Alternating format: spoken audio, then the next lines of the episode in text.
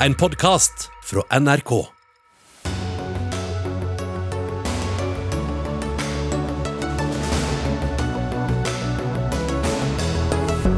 Det er funnet flere tilfeller av det muterte viruset fra utlandet. Vi har ikke hatt kontroll på grensene i det hele tatt, sier Frp-leder Siv Jensen, og krever strakstiltak. 45 000 mennesker kan bli permittert som følge av de nye nedstengningene på Østlandet. Kjøpesentre og butikker er stengt, og bedriftene fortviler. Senterpartiet åpner for vannkraftutbygging i vernesoner. Partiet har beveget seg langt bort fra det grønne partiet det en gang var, sukker SV. Og skuespiller Sofia Helin mener historikerne som kritiserte Atlantic Crossing, driver med hersketeknikker og har en retorikk som ligner på den Donald Trump bruker. Vel møtt til Dagsnytt 18 på NRK1 og NRK P2, hvor vi også skal diskutere åpningen for mer hjemmeskole. Jeg heter Sigrid Solund. Et mutert koronavirus fra utlandet har satt deler av det norske samfunnet på hodet igjen. Og atter kommer kritikken mot regjeringa for at den ikke har voktet de norske grensene godt nok, men bidratt til å slippe viruset inn i landet. Obligatorisk testing er innført, men i dag skriver Dagbladet om folk som kjører rett forbi teststasjonene på Svinesundgrensa og inn i Norge. Og hva sier dette deg, Siv Jensen, leder i Fremskrittspartiet? Nå vil jeg minne om at eh, vi allerede i august foreslo å innføre obligatorisk testing på grensene. Det ville vært et godt forebyggende tiltak, rett og slett for å unngå den situasjonen vi nå har eh, kommet i. Eh, men da vi foreslo det i august, så ja, latterliggjorde regjeringen det i for seg litt. Sa at det var ikke nødvendig, det var ikke noe som ble anbefalt. Men vi ser jo nå at det er importsmitten som skaper de betydelige utfordringene, og som gjør at folk flest blir sittende med veldig strenge tiltak. Mange har hatt hjemmekontor helt siden mars, mange har ikke på jobb i det hele tatt og blir nok litt provosert når de ser bilder av folk som bare raser forbi grensen uten å bry seg det minste om verken å teste seg, eh, stille i karantene, eh, overholde regelverket. Men regjeringen har jo fulgt mange av deres skal vi si, råd eller anbefalinger, og innført strengere grenseregler. Så hva er problemet nå, da? Jeg er veldig glad for at regjeringen eh, tok eh, til fornuft, men det tok jo veldig mange måneder. Men de er jo ikke forberedt. Det er det som er problemet. Eh, de sier jo at de har innført dette systemet nå, men de ser jo at folk passerer grensen uten at det er et system. Utfordringen til Monica Mæland og regjeringen burde jo være hva vil de gjøre for å sikre at folk faktisk stopper. At de faktisk tar testen, at de faktisk går i karantene og at man kan følge opp Eh, at de er i karantene i den tiden de skal være det. fordi Det er jo dette som nå er problemet. At man kommer over grensen, potensielt med smitte, skaper utfordringer i store deler av samfunnet som er nedstengt, eh, og hindrer oss fra å kunne gjenåpne samfunnet igjen. Ja. Justis- og beredskapsminister Monica Mæland, hva skal vi med strengere regler hvis det er opp til hver, hver enkelt person om de vil følge dem eller ikke, uten å få noen konsekvenser? Men sånn er det jo virkelig ikke. Norge er blant de landene som hele veien, fra vi fikk viruset i mars, har hatt de strengeste innreiserestriksjonene. Vi har f.eks. hele tiden, i motsetning til andre land, hatt karanteneregler. Og, og, så er det ikke slik at alle bare slipper forbi uten å bli, eh, under, eh, bli registrert. Det er slik at alle som kommer over grensen blir registrert. Alle må legitimere seg, alle må fremvise en test. Nå eh, skal den vært tatt mindre enn 24 timer før avreise. Man eh, må i karantene, og man må umiddelbart teste seg. Og over 90% av de som kommer, tester seg. Men så er det noen som er unntatt fra testkravet, f.eks. grensependlere, som vi har en stor del av langs f.eks. svenskegrensen. Men jeg må bare si at vi har altså fulgt de rådene vi har bedt om, og som vi har fått. Og så er det riktig at Fremskrittspartiet i august foreslo testkrav, men det gjorde ikke helsemyndighetene. Og det er ikke å latterliggjøre noe. Det er rett og slett å forholde oss til de myndighetene som vi mener har det eh, riktige bakgrunnen for å gi råd. Eh, og det tar heller ikke lang tid fra vi får råd til vi gjennomfører de. Vi fikk råd om testing 29.12. 2.1 innførte vi det kravet. Eh, slik at vi har fulgt de eh, rådene vi har fått, og vi er innstilt på ytterligere å eh, innføre strengere tiltak hvis vi mener det er nødvendig. Og så har jeg òg lyst til å si av at av de smittede så oppgir pluss-minus 10 det har variert litt, at smitten kommer fra utlandet. 90 eh, gjør det ikke, eller det vet vi i hvert fall ikke. Så det må ikke dannes et bilde av at folk bare reiser uten å bli kontrollert, og at eh, vi importerer smitte i stort monn, for det gjør vi faktisk ikke. Men for Siv Jensen, hvis man alltid vil ha de strengeste tiltakene, så kan man jo i etterkant si hva var det jeg sa, hvis det går galt. Og hvis det ikke går galt, så er det ingen som bryr seg uansett om hva man ba om. Så det er jo en viss forholdsmessighet her som, som regjeringen må ta hensyn til. Jeg er enig i det. Eh, og jeg er også enig i at vi må ha en viss grad av smidighet i et regelverk knyttet til at eh, folk kommer inn til landet for å jobbe og reiser ut av landet for å jobbe. Men det er nå ikke sånn at regjeringen til enhver tid følger de anbefalingene de får fra helsemyndighetene. da. Så Det kan ikke Monica Mæland bruke som et argument. Har, regjeringen har i mange situasjoner tatt eh, de, som de kaller helhetlige hensyn eh, og overstyrt de helsefaglige rådene de har fått. Poenget her er at helt siden mars, da dette viruset kom til Norge, så har det utelukkende skyldtes importsmitte. Og Da syns jeg det er veldig rart at man ikke på et mye tidligere tidspunkt vurderte det. Da tenker du på det så... første tilfellet kom inn til Norge, men siden har det jo skyldtes mange andre ting når det har spredd seg i samfunnet? Selvfølgelig, og det er jo derfor vi alle sammen har stilt lojalt opp. Still sitter i Eh, på hjemmekontor, eh, har nedstengingstiltak, alle de utfordringene som barn og unge opplever i skolen. Eh, det er jo ikke sånn at nordmenn ikke stiller opp med dette, men nå er vi da i en situasjon hvor vi risikerer økt smittespredning som følge av muterte virus, og de kommer altså inn til landet. Da må vi ha strengere tiltak, og da syns faktisk jeg at en av de tingene regjeringen bør vurdere, er å ikke godta tester foretatt i utlandet, når vi nå ser alle nyhetssendingene om falske eh, falske resultater. Eh, som åpenbart er blitt god butikk. Gripe tak i det, Monica Mæland. NRK viste på Dagsrevyen i går annet, at det tar, tok to timer, 350 kroner for en NRK-reporter å skaffe seg en negativ koronatest som kan brukes for å komme til Norge. Hvorfor skal vi ha et system som åpner for veldig lett tilgjengelig juks på denne måten? Ja, først må jeg bare si at når Siv Jensen viser til importsmitte i mars i fjor, så var det nordmenn, det var nordmenn som, som importerte det til, til Norge. i utlandet. Mm. Nordmenn kommer fortsatt til å ha adgang til kongeriket, uansett hvilke regler vi har.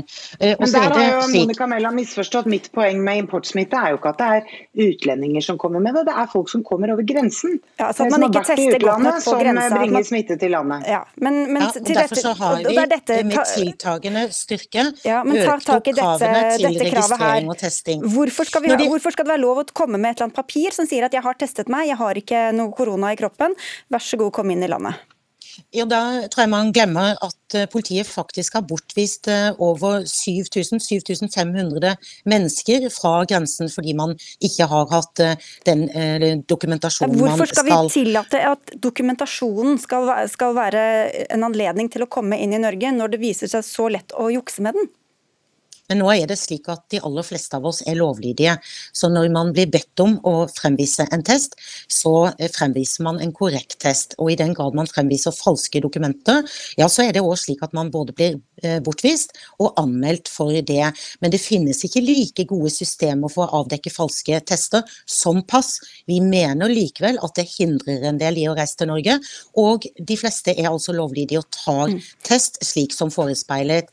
Men dette kommer jo bare i tillegg til at vi nå har umiddelbar test ved grensen, at alle må registrere seg, og alle må i karantene. Så det mangler altså ikke på krav til alle de som nå mm. kommer over grensen, eh, og som blir, eh, blir registrert og undersøkt. Ta det, Siv Jensen. Det vil jo alltid være folk som eh, fusker og som lyver med større eller mindre møye. Hvordan skal man ha et system som har vanntette skott uten da å bli helt totalitært på dette området? Det viktigste er jo faktisk å ikke tillate tester gjennomført i utlandet når vi vet at det svindles med det. Jeg er helt enig i at det er fint å bøtelegge hvis man klarer å avdekke at det er eh, svindel. Men det er jo ikke gitt at man klarer å gjøre. og Da er jo spørsmålet skal man tillate den type tester, eller skal man ikke gjøre det?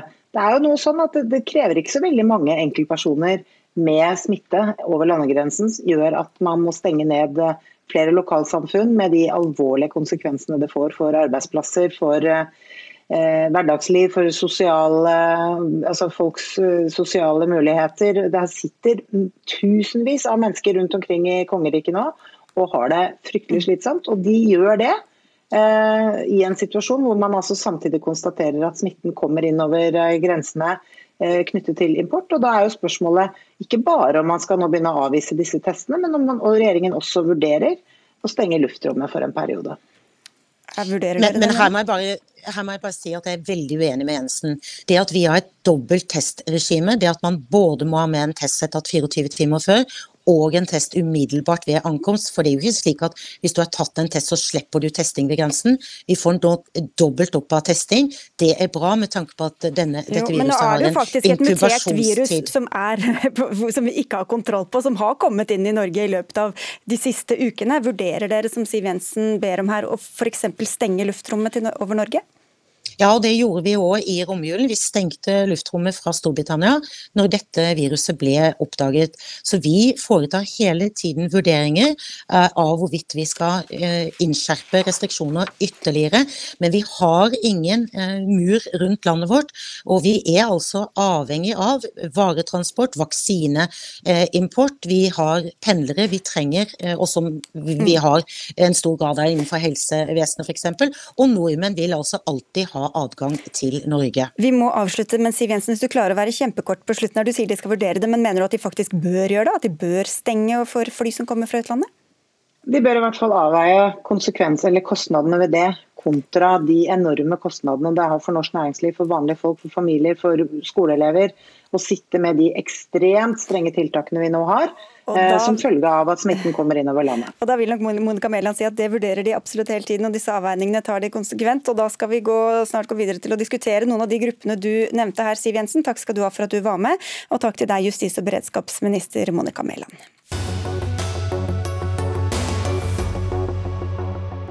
Ja, som vi har vært inne på, ny nedstengning, nye permitteringer, og med dette kommer fortvilte ansatte og arbeidsgivere. Flere enn 40 000 mennesker kan bli permittert, og Nav varsler at denne bølgen kan bli større enn ved siste nedstengning. Arbeids- og sosialminister Torbjørn Isaksen, er du bekymra for det som kan komme nå?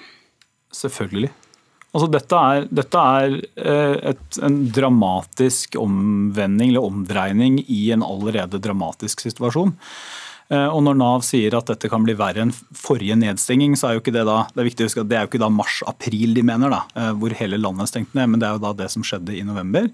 Men, men, det viser bare at vi fram til Norge er fullvaksinert, så, så er koronaviruset noe vi lever med og vi må være forberedt på. Og så er det aller verst for de som, eh, de som, ikke får en jobb å gå til. Så Jobben vår er å få flest mulig bedrifter og arbeidsplasser gjennom den krisa her.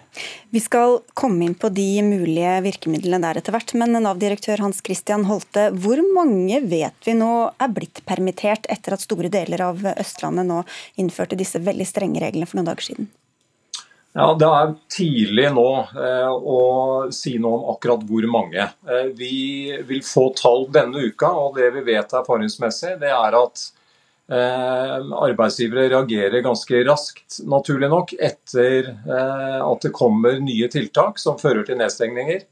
Eh, sånn at de tallene vi kan komme med tirsdag til uken, de vil kunne si noe om hva som har skjedd eh, akkurat eh, denne uken, hvor, hvor, det aller meste skjer. Hvor, hvor mange, det, ja, det, det, vi kan si, er jo litt som statsråden er inne på. Vi har noen erfaringer fra tidligere nedstengninger og reaksjoner. Vi så at det ble 13 000 flere arbeidssøkere både i november og i nå tidlig januar etter de tiltakene som kom nå. Vi forventer at det blir mer i denne omgangen. Eh, det er klart det er vanskelig å være presis i anslagene, men vi forventer noen titusener, slik det er sagt. Men så har jeg også lyst til å legge til, dette er jo avhengig av flere faktorer. Eh, det er avhengig av hvordan arbeidsgiverne nå tenker eh, i denne situasjonen. Vi har nok sett at arbeidsgiverne er kanskje noe mer eh, gjennomtenkte, for å bruke det ordet, i de nedstengningene som har vært nå i disse siste rundene. enn i den veldig voldsomme situasjonen som dukket opp i mars. Så det vil slå inn. Det vil også slå inn rett og slett hvilke ordninger vi har. Og Det er noe igjen som, som skal kanskje diskuteres her, og som, som regjering og storting vil ta stilling til. Eh, og så vil det også være eh, også snakk om andre, andre sider ved dette. Eh, F.eks.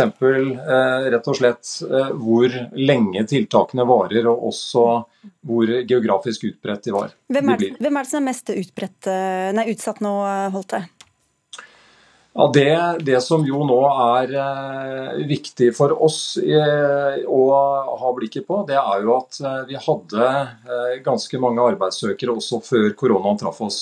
Og det vi vet er at nettopp de gruppene som vi eh, skal gjøre en eh, spesiell innsats for, de blir også berørt kanskje spesielt hardt i denne type kriser.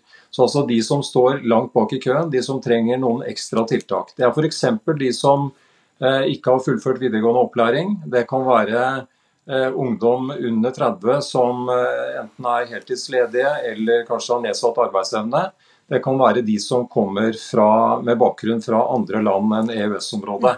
Så det er, det, er, nok noe av det som er min bekymring også på lengre sikt. fordi Det jeg også har lyst til å legge til her, er at vi har nå noen akutte utfordringer, og så har vi en arbeidsmarkedssituasjon også på lengre sikt som vil være krevende. Vi rekker ikke gå inn på det nå, Hans Christian Holte, men takk skal du ha for at du var med. Rhiannon Hovden Edwards, du er leder for kultur og opplevelser i Virke. Vi snakket om hvilke virkemidler vi kan ty til her. Dere vil at staten skal betale for de permitterte fra og med dag tre, sånn som regelen var i fjor vår da koronapandemien kom. I dag er det ti dager før staten overtar. Hvorfor er det riktig å, å minimere denne perioden som arbeidsgivere skal betale? Vi virker, vi frykter jo som Nav-direktøren eh, flere titalls tusen nye permitteringer som et resultat av nedstengingen, og ser at de kommer til å komme primært i handels- og tjenestenæringen. Og dette er jo bransjer som har, eh, hvor lønnskostnader utgjør 50-90% av de totale kostnadene. Og Da sier det seg jo selv at når det blir stengt ned og må permittere på tre timers varsel, som man måtte på lørdag, så, og fortsatt må betale da ti dagers lønn uten at du får inntekter i den perioden å betale lønn med, så er det klart blir satt i en fortvilet situasjon. Og Vi mener det er urimelig at denne regningen er hos arbeidsgiver alene. Vi mener regjeringen må være med og dekke denne regningen. og Derfor har vi bedt om at arbeidsgiverperioden reduseres på nytt til to dager, slik den var i starten av krisen. Ja, Dere gjorde det da, arbeids- og sosialminister Torbjørn Isaksen. Vil dere gjøre det nå? Eh, det, det, Svaret på det er kanskje. Det sitter vi og vurderer akkurat nå. Men, men det, det, er viktig å si at her er det altså For det første så har vi så er regjeringa mer enn innstilt på fortsatt at vi trenger tiltak for å hjelpe næringslivet over kneika. Men vi behøver ikke å starte på nytt hver gang. Det er ikke som om vi ikke nå har mange verktøy som vi bruker. Kompensasjonsordning. Vi har tilpassa mange av de sosiale ordningene vi har til koronasituasjonen. Eh, vi har altså en full verktøykasse som vi ikke behøver å bytte ut hver gang vi har en nedstenging.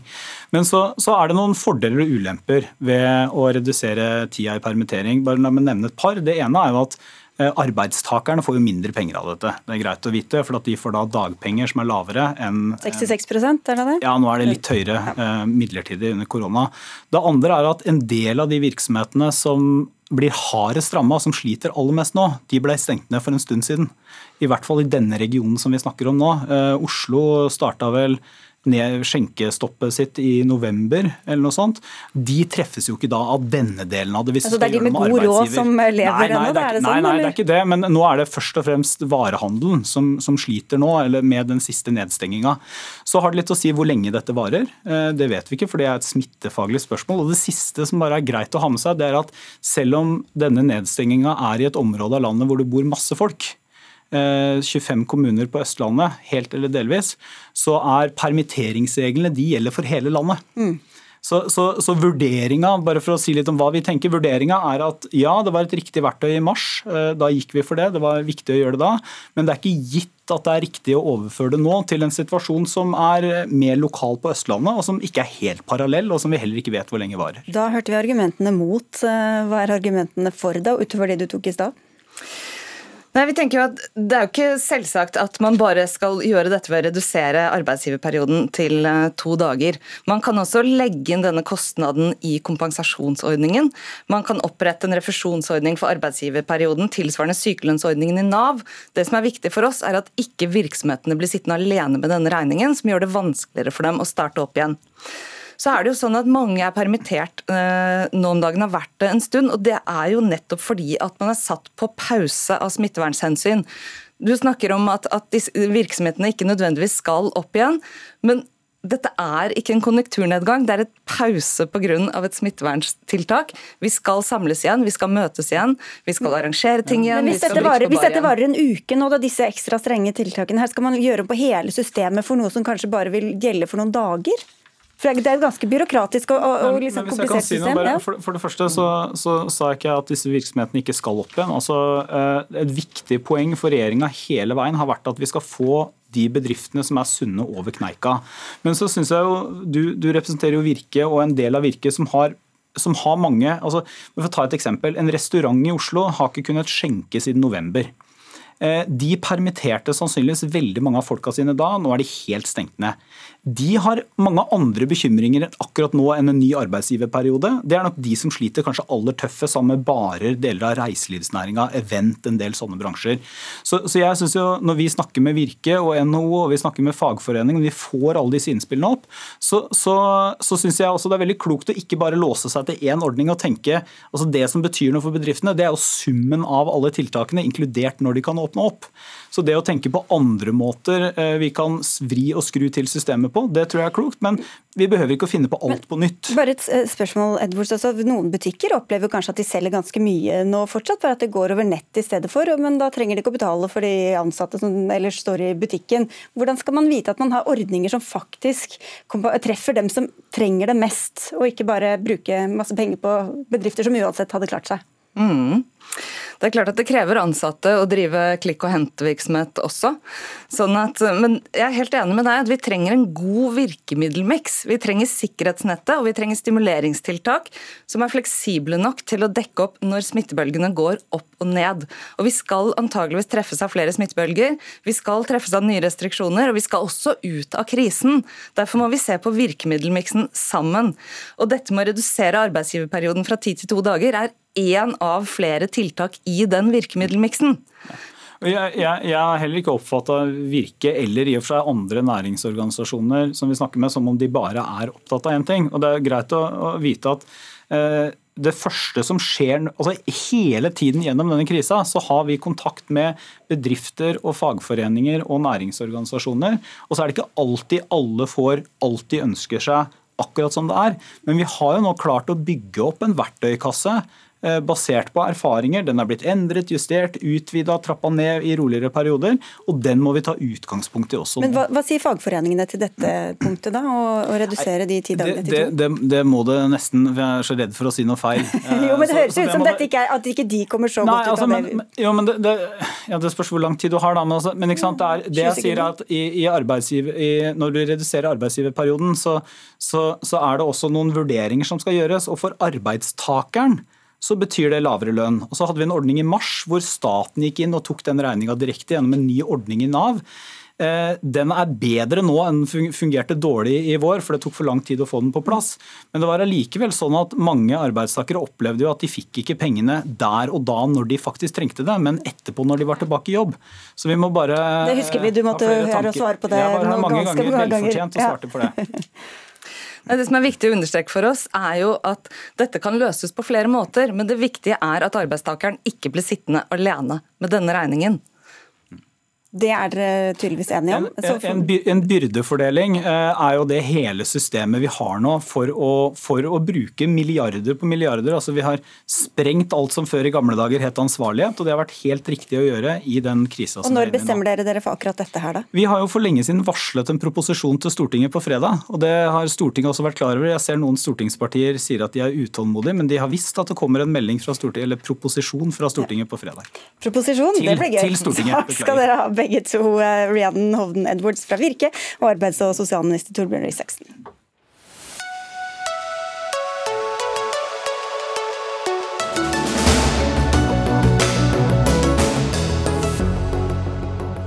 Var debatten om TV-serien Atlantic Crossing preget av hersketeknikker, slik skuespiller Sofia Helin mener? Det skal vi snart diskutere her i Dagsnytt 18. Men nå skal det handle om Senterpartiets grønne profil, eller kanskje manglende sådan. For nylig stemte partiet for å kunne utrede kraftutbygging i verneområder. For med det å kunne åpne for en slik utbygging hvis utredningen peker i den retningen. Det var eh, FrPs forslag, men det var bare Senterpartiet som støttet det. Og hva syns dere om det trekket, Lars Haltbrekken, du sitter i Stortingets energi- og miljøkomité for SV? Nei, Det er jo klart at uh, dette er jo bare én av uh, flere saker. Uh, og verna vassdrag er en gigantisk miljøseier i Norge. For 40 år siden så hadde vi de store konfliktene rundt utbygging av Alta-Kautokeino-vassdraget. I disse dager så ble det båret bort tusenvis av naturvernere som ønska å redde det vassdraget. Etter det så har man fått verna da nærmere 400 vassdrag mot uh, kraftutbygging. og Det har vi gjort fordi at uh, disse elvene har stor naturverdi. Og det har vært brei oppslutning i Stortinget også om å ta vare på disse naturverdiene. Det ble vel sagt at tiden for disse utbyggingene var over på et eller annet tidspunkt? tidspunkt? det, her... sa, eh, det sa tidligere Jens, eh, tidligere tidligere Jens Stoltenberg, nå kjent Tidligere statsminister Jens Stoltenberg. Men dette gjelder jo bare utredninger. Hva er det som er så galt med å innhente informasjon om pluss og minus ved å skulle kunne bygge ut? Det er ikke noe tvil om at eh, det ønsket som ligger bak, eh, var ikke bare utredninga. Ønsket var å sette i gang eh, utbygging i de mest verdifulle vassdragene vi har. Men heldigvis så var det et stort flertall i Stortinget nå også som stemte dette ned. Men hvorfor gjorde ikke dere det, Sandra Borch? Du sitter i den samme komiteen for Senterpartiet. Altså Det er viktig å være ærlig også fra SVs side på hva dette faktisk handler om. Eh, og Det handler om en gjennomgang av de verna vassdragene. Innhente et kunnskapsgrunnlag med tanke på eh, at naturen har endra seg, og også situasjonen rundt eh, flom og skred i enkelte av de områdene som i dag er verna vassdrag, har, har og så må jo jeg si at jeg syns Det er litt rart at liksom SV skal kritisere oss for dette. For de har jo akkurat nettopp, eh, rett etter Stortinget samla etter jul, fremma forslag eh, om eh, bedre forebygging rundt flom og skred. Men, men var det det forslag... skulle, Hva var det dere skulle med denne informasjonen? Hva var det dere eventuelt ville bruke den til? Det handler jo om at veldig mange plasser i landet i dag så opplever vi en stor eh, utfordring rundt flom og skred. Eh, og Hvis du da kan regulere vannet i eh, disse områdene som nettopp forebygger, skal forebygge eh, for flom, så vil du også etter vår mening kunne utnytte den krafta til å være ei ren, grønn kraft som kan utnyttes i Norge. Og dette er, dette er ikke massiv utbygging fra Senterpartiets side. Dette er først og fremst et kunnskapsgrunnlag mm. som vi ønsker å innhente. Og det mener jeg egentlig alle partier bør være opptatt av å få, okay. nettopp når vi ser de utfordringene som er rundt flom og skred. Det, hvis man leser vedtaket som, eller forslaget som eh, Fremskrittspartiet fremma, eh, så står det ingenting der om eh, at dette skal gjøres av hensyn til å Eh, dempe faren for eh, flom og skred. Det er tradisjonell kraftutbygging vi snakker om. I tillegg, for fire år siden så åpna Stortinget for å kunne gjøre tiltak i verna vassdrag med tanke på eh, å forhindre flom og skred. Så det har Stortinget allerede åpna for. Det man snakka om nå, var en tradisjonell utbygging. Og jeg har lyst til å sitere tidligere stortingsrepresentant for Senterpartiet, Lars Belsand, som har et innlegg i Nasjonen i dag, hvor han sier eh, at eh, angrepet på de verna vassdragene bare er et symbol på den manglende miljøpolitikken hos eh, Senterpartiet i dag. Og der er vi eh, ved noe av kjernen. For at Senterpartiet i dag oppfører seg litt som norsk industri gjorde på 70-tallet, når de protesterte mot alle miljøkrav som kom fra miljøbevegelsen.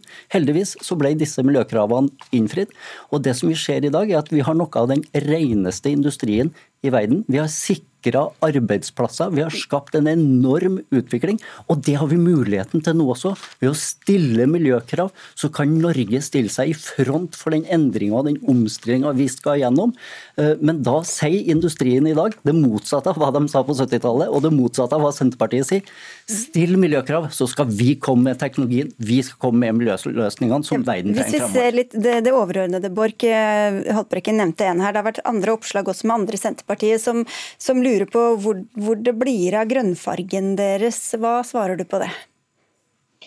Eh, det svaret er at eh, Senterpartiet er opptatt av klima og miljø. Og det er helt naturlig at et parti diskuterer disse temaene like før et landsmøte og i en prosess med partiprogram.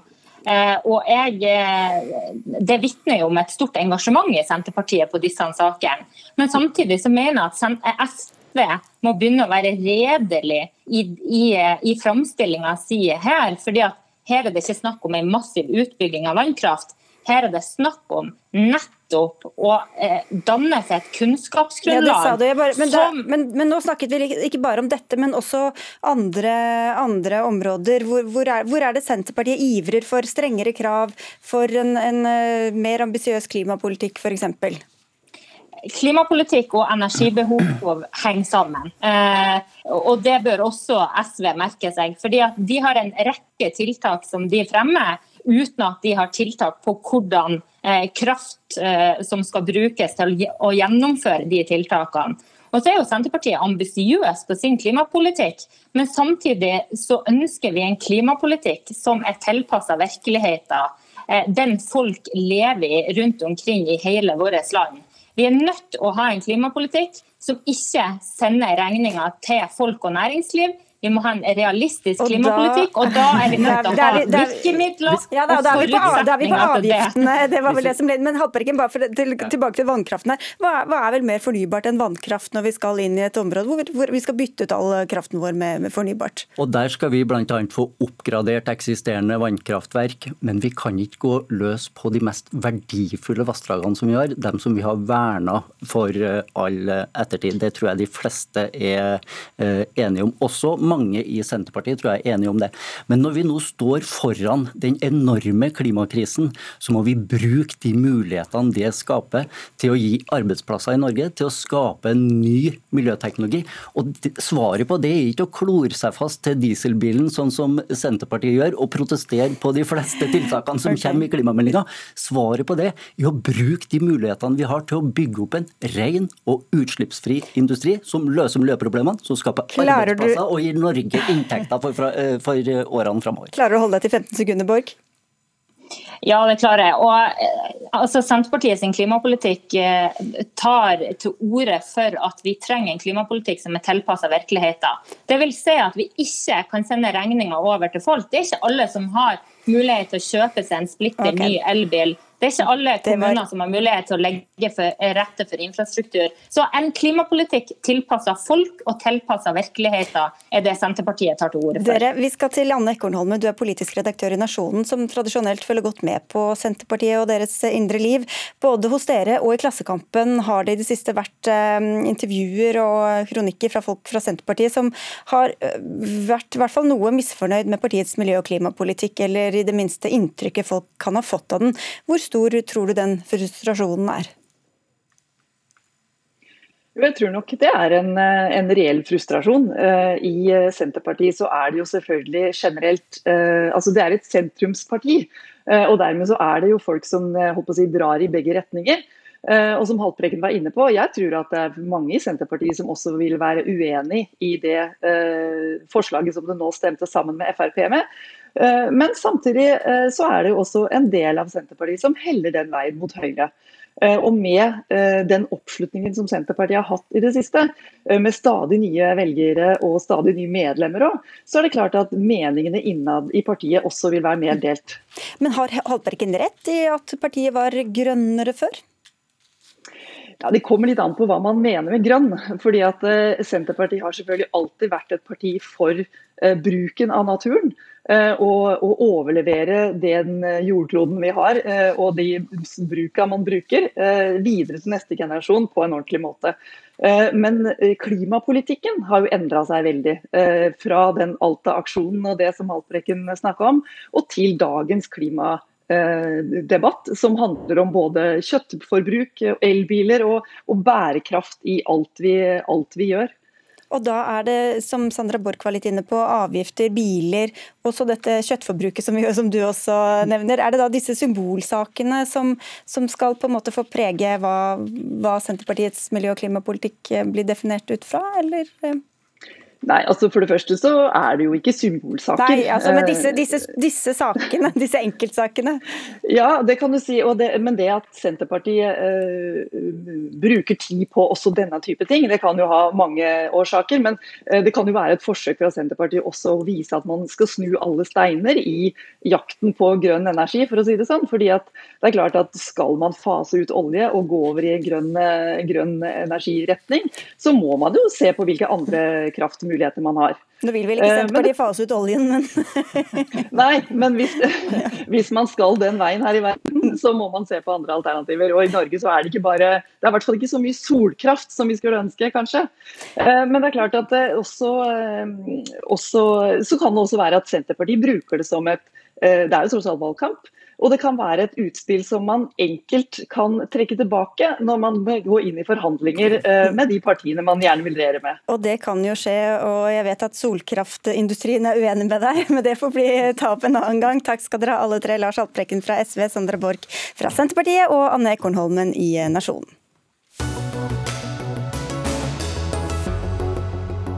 Den svenske skuespilleren Sofia Helin går kraftig ut mot en del av debatten om dramaserien Atlantic Crossing, som eh, mange kanskje husker handler om kongefamilien under andre verdenskrig. Da serien gikk på NRK i fjor høst, var det flere historikere som kritiserte manusforfatterne for historieforfalskning, og mente kronprinsesse Märtha ikke påvirket politikken på den måten det framstilles som i serien. Helin spilte kronprinsessen, og i går deltok hun på et seminar seminar om dette i Stavanger, hvor hun bl.a. sa dette.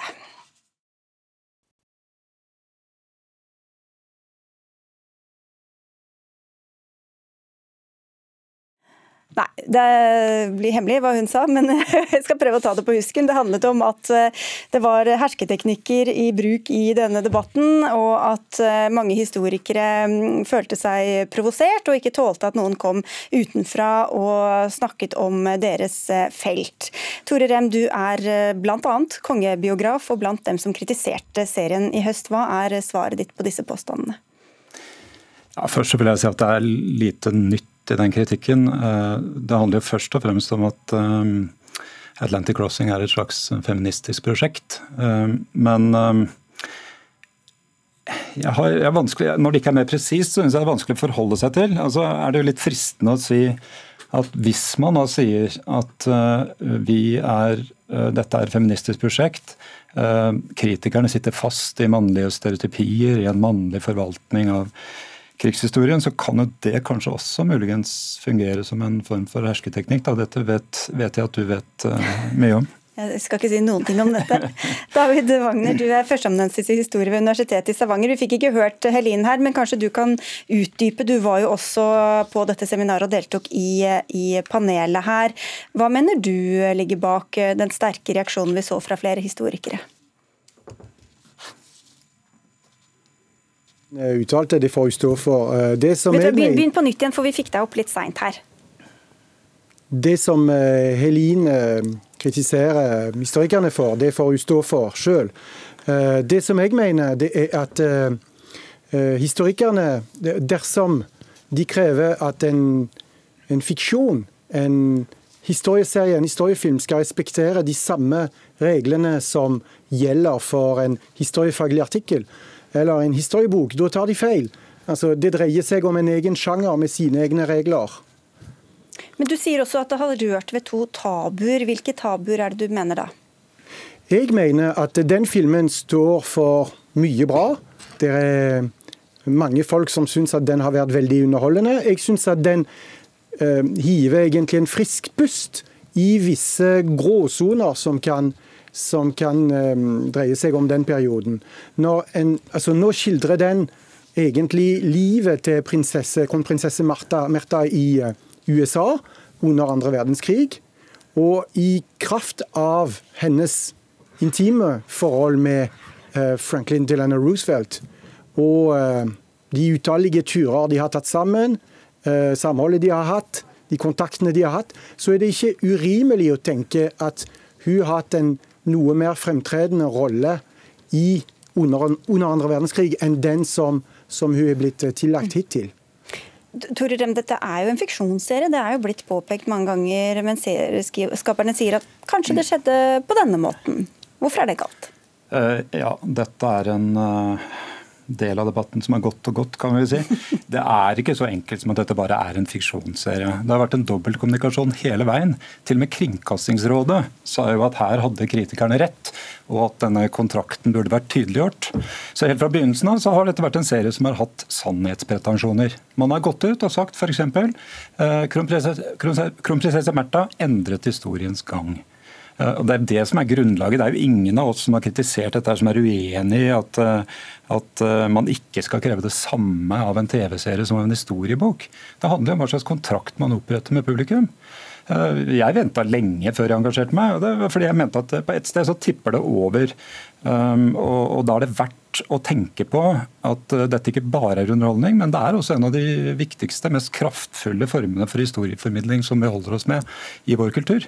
Som du sier så gikk jo debatten uh, lenge, og vi hadde den flere ganger her også. Men når vi nå har lagt det litt bak oss, uh, hva tror du hele debatten gjør med skal vi si, lysten fra andre utenfra til å komme inn og, og tråkke historikernes bed, så å si?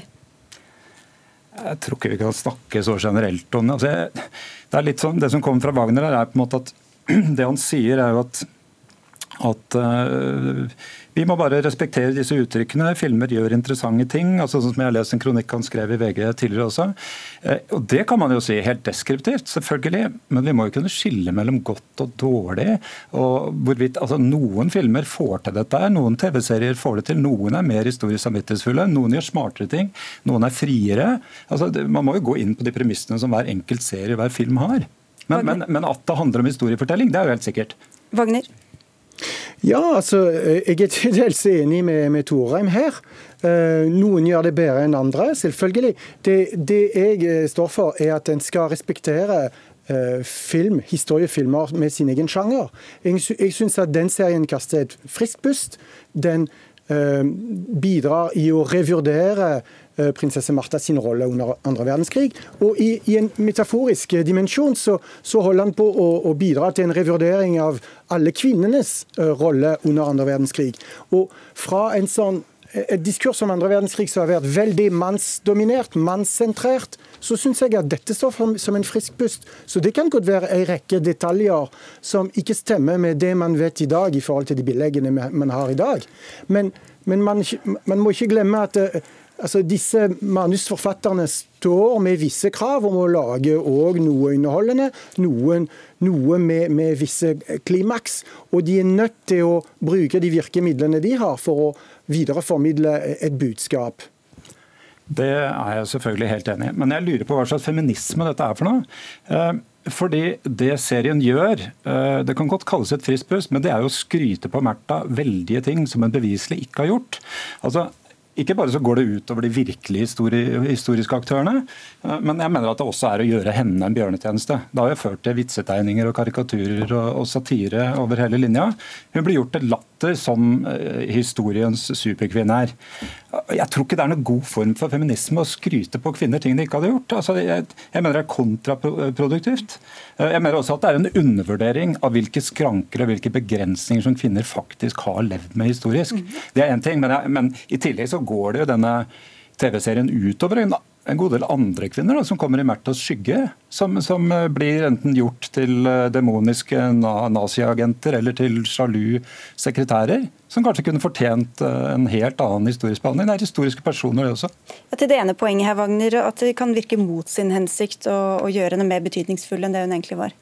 Det tror jeg ikke. Eh, vi må jo spørre alle nordmennene som har sett på den serien. Eh, det er over en million personer som har sett den. Og jeg er sikker på at eh, de fleste av dem har storkost seg med denne serien, og ikke har sett på det med, med de samme øynene som Torheim bruker, eller den samme lensen som han bruker, som hører til en annen sjanger igjen. Sjanger igjen. Så jeg syns at det, det må tas for det det er. Og jeg syns det, det utgjør en frisk pust i forhold til visse tolkninger som kan foretas i det gråsonen som man, som man har eh, med de beleggene man har. Jeg lurer jo veldig på hva slags kunnskap Wagner har, som gjør at han kan bedømme at dette handler om gråsoner, eller, eller, eller om det faktisk er ganske store forvrengninger og, og problematisk historiefortolkning. Vil du svare på det, Wagner? Ja, altså det jeg kan si er at eh, Hvis du setter ting i, i sin kontekst, f.eks. Hvis du setter ting i sin kontekst, som en god historiker gjør, som du eh, gjør, så, så, vil du, så, vil du, kunne tenke at det er ikke urimelig å tenke at eh, kronprinsesse Märtha har snakket om eh, mye mer om politikk enn hva som antas hittil, sammen med FDR og at hun kan ha hatt en rolle som er mye mer fremtredende enn den som hun Da er vi tilbake i si Det er ingen historisk uenighet om at hun, hadde, at hun hadde et vennskap med Roosevelt, og at hun også formidlet Norges syn og Norges perspektiver ja. til Roosevelt. Men det er ingen eh, empiri på at hun endret historiens gang. Det er det vi har diskutert her. Nå tror jeg serien skal eh, sendes på svensk televisjon, så får vi se om de i det hele tatt bryr seg om de historiske faktaene der. Og hva Helin faktisk sa, tror jeg dere kan høre på Dagsrevyen Eh, i kveld. Takk skal dere ha begge to, mine herrer.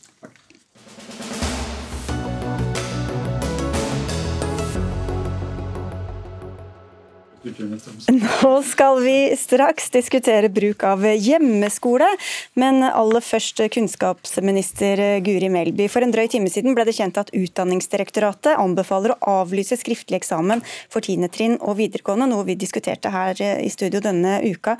Betyr det at det skjer? Nei, det betyr det ikke. Sånn som det går i sånne prosesser, så ber jo vi gjerne våre fagdirektorater om å gi oss råd og anbefalinger. Så allerede i november tror jeg bestilte vi å få en ordentlig utredning fra UDIR om hvordan eksamen kan gjennomføres, hva vi må ta hensyn til, eventuelle alternativer.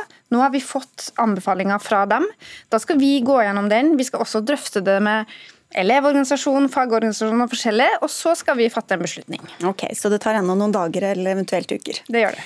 Så til det vi egentlig skal snakke om. Regjeringa åpnet for mer hjemmeskole, og nå kan beslutningen her også havne i Stortinget. For flere av opposisjonspartiene er kritiske til en forskriftsendring som i praksis betyr at skolene kan ta i bruk mer hjemmeundervisning også når smittevernnivået er på gult, noe det tidligere ikke har vært åpnet for. Det er flere faglige instanser også som har kritisert denne endringen. Du forsvarte det i ettermiddag på en pressekonferanse, Melby. Hvorfor er dette nødvendig nå?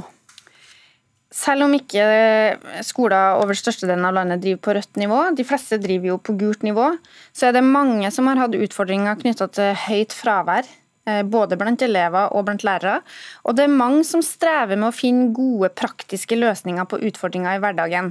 Grunnen til at jeg begynte å jobbe med det forslaget, i utgangspunktet var faktisk en henvendelse fra en lærer på en ungdomsskole i Stavanger som sa nå skal vi ha valgfag, vi har ikke lov å blande elevene fra forskjellige klasser.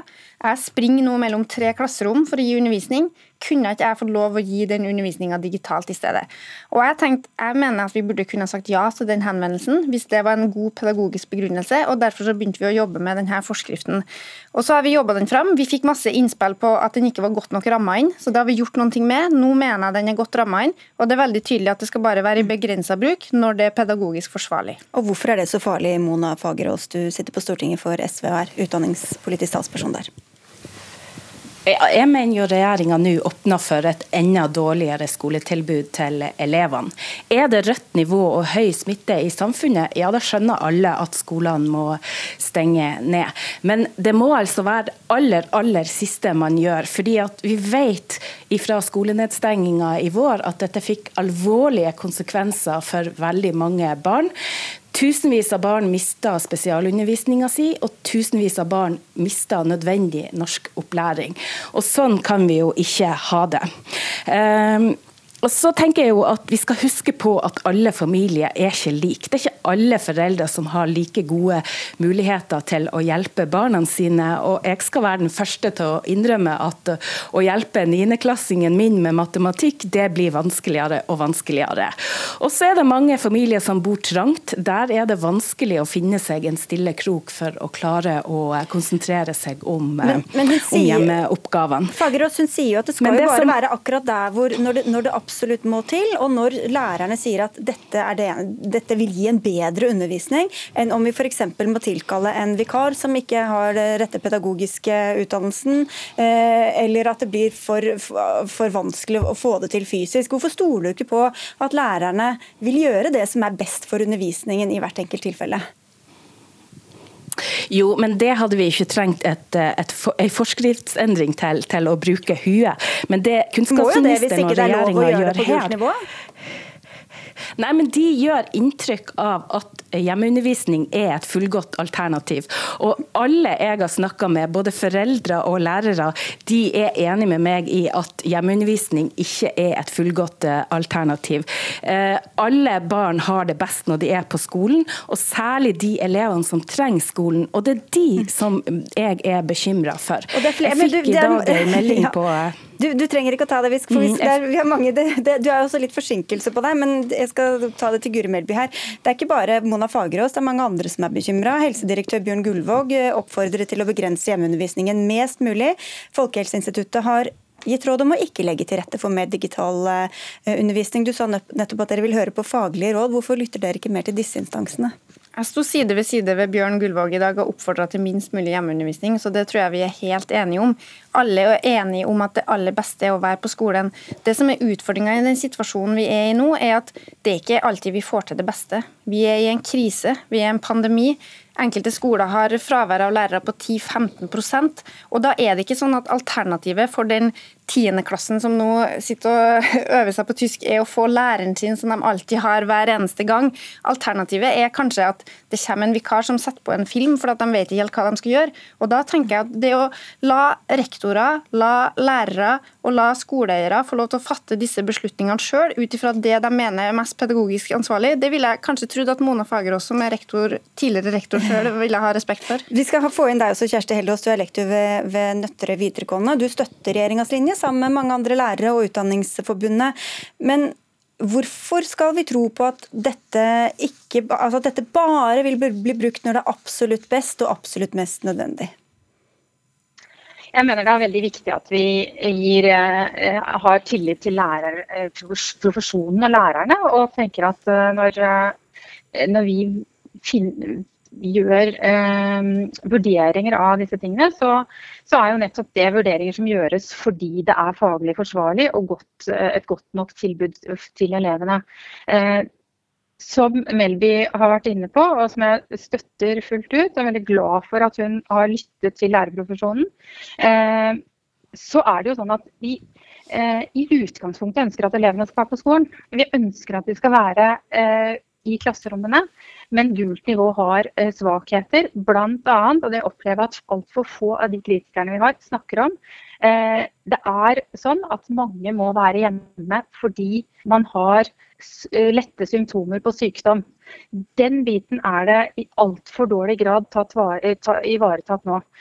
Vi sitter ofte med klasserom hvor det mangler tre, fire, fem, opp mot ti elever kanskje, i en klasse på 30. Og de ti elevene som kanskje er hjemme en uke eller to uker, de blir jo ikke ivaretatt i det hele tatt. Eh, noen ganger så er det undervisning på Teams, noen ganger så er det eh, noe chatting på Teams. Eh, hvis jeg da kan gå over i et helt eh, ordinært Teams, altså et digitalt klasserom, dette er jo ikke hjemmeundervisning, det er et digitalt klasserom med læreren til stede, hvor vi eh, driver vanlig undervisning akkurat som vi gjør i, i klasserommet. Hvis jeg kan gjøre det isteden, i de tilfellene, så vil vi jo nettopp kunne eh, ivareta elevene våre på en god måte. Du sa at du er glad for at regjeringen har lyttet til lærerne, og så er det noen som mener at de lytter for mye til lærerne og for lite til andre. Kristin Odmaier, du er direktør for barns rettigheter og bærekraft i Unicef, og du frykter konsekvensen av at flere barn og unge får et dårligere skoletilbud, mindre kontakt med, med jevne og, og trygge voksne voksne, jevnaldrende og trygge voksne. Men er det så sikkert at, at hjemmeundervisning noen ganger er et så dårligere tilbud enn det å komme på skolen og kanskje få en helt ny lærer som ikke vet helt hva hun eller hun, han skal undervise i? Så det som er interessant når jeg sitter og hører på dette nå, er at man snakker om skolen som om det er et sted kun for undervisning. Eh, og det er det jo overhodet ikke. Vi vet at skolene representerer et enormt viktig samlingspunkt, en sosial arena. Eh, et friminutt, ikke minst for de barna som virkelig strever og som har det vanskelig hjemme. Og det er mye sosial interaksjon og utvikling som skjer gjennom å være på skolen. Selv om man må holde avstand, så skjer dette når man er sammen. Og Dette opplever jeg at uh, blir helt borte fra diskusjonen. Alt handler om undervisningen, om pedagogiske metoder, men veldig lite om hva barna selv trenger, og hvordan familiesituasjonene er rundt omkring. Jeg har fått ufattelig mange henvendelser nå de siste dagene fra familier som forteller at de er helt på bristepunktet. De er i oppløsning. De klarer ikke mer. De er på hjemmekontor selv. Og I tillegg så skal de være tålmodige pedagoger og ta vare på ungene sine som har det vanskelig, og som ikke klarer å nyttiggjøre seg digital undervisning. Det var det samme vi hørte fra Mona Fagerås her. Hva med hensynet til dem, Guri Melby? Det som ikke har kommet klart nok fram, er at vi nå faktisk stiller tydeligere krav til hva digital undervisning skal være, enn det vi har gjort tidligere. For Vi sier f.eks. at Digital undervisning det er ikke bare å sende ut noen oppgaver, f.eks. Det skal være at læreren er tilgjengelig. Det er ikke foreldrene som skal være mattelærer, det er mattelæreren som skal være pedagog og som skal veilede dem. Du, har selv holdt på med dette. Hvordan, hvordan er din erfaring? Hva du mener med nei, nei, jeg, bare, jeg tror det er mange foreldre som opplever at det ikke er akkurat sånn det har vært i virkeligheten. Nei, men det er det vi sier nå, da, at vi stiller krav til at hvis du skal gjøre det her, digital undervisning på gult nivå, så skal læreren være til stede. Det skal være på en måte eh, undervisning der og da som foregår digitalt. Og Det var jo akkurat det også hun læreren fra Nøtterøy her beskrev. Og så sier vi at det skal være begrensa. Så her er det ikke noen som skal være hjemme hele dager eller hele uka. Det kan kanskje være et par timer en dag. Så veldig mye av det som Unicef tar opp, som jeg er helt enig i, det her er sosiale, det her er fellesskapet, det skal bli ivaretatt likevel. Ok, Vi har ganske dårlig tid her, Heldås. Det har vært også snakk om at det, av hensyn til lærerne og forebygging av smitte f.eks., at mange er utslitt. Er det et argument for mer mer hjemmeundervisning eller digital klasserom, da, som du sier? Um, jeg syns det er litt vanskelig å skulle ta stilling til det som, eh, som altså, Jeg representerer jo på en måte meg selv som lærer, og jeg tenker at det er ikke smittevern i seg selv vi snakker om nå. Vi snakker om eh, svakheter ved gult nivå og undervisning på gult nivå. Eh, og jeg ønsker å ta vare på elevene og elevenes læring. Eh, jeg har bare lyst til å si eh, komme inn på det der med det sosiale. Husk på at det også er muligheter for å være sosiale i de digitale klasserommene. Eh, jeg bruker selv det mye. Jobber mye med å utvikle metoder for at elevene nettopp kan interagere, eh, interagere med hverandre. Eh, F.eks. i sånn grupperomsfunksjon på Teams som, som, elevene er veldig glad i. Og jeg syns det er litt rart at eh, representanten på Unicef mm. og, og, og, og SV er eh, altså, De snakker tydeligvis med helt andre eh, elever og foreldre enn det jeg snakker med. Ja, det er ikke så eh, rart. Og jeg kan... opplever jo ja, så Man hører tydeligvis det man vil høre, ikke sant. Jo, men, og, det, og det er jo kanskje litt andre forhold nå på denne digitale undervisningen enn det vi så i mars og april, når dette kom helt bardust på veldig mange? Altså jeg tror mange lærere har blitt veldig gode på å gi god digital undervisning. Men allikevel så skal vi huske på et veldig annet viktig poeng som ikke har kommet fram her. og det er at Vi har sett gjennom pandemien, og også før pandemien faktisk, at det utspiller seg et digitalt klasseskille. og at elever også har ulik tilgang på digitale læremidler. Det avdekket vi også i en undersøkelse vi gjorde før jul, hvor 20 svarer at ikke de har tilgang til det utstyret de trenger hjemme. Og Dette sammen med at ikke de får den oppfølginga de trenger av voksne, selv om Teams-klasserommene kan fungere veldig godt, eh, så blir det en vanskelig situasjon for barn. Og ulikhetene også mellom barn og unge øker som følge av dette. og Det er vi også bekymra for på sikt. Mona Fagerås, helt kort, hva vil dere gjøre? Hvordan, hva er det dere vil ta opp egentlig hvis dere får dette inn i Stortinget?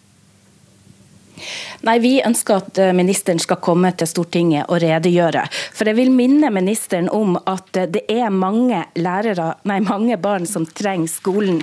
Eh, som trenger den tryggheten lærere og, eh, og, assistenter og miljøarbeidere på skolen gir. Og disse elevene trenger ikke mer nedstenging. Og Så må ministeren sørge for at man får at skolene får penger på bordet til å sette inn vikarer og, dag, og til du, å betale lærerne over tidsbetaling. I dag hørte vi fra deg, Guri Melby at det skulle ikke stå på penger, så da får, jeg sier det for deg, for da går det ofte fortere.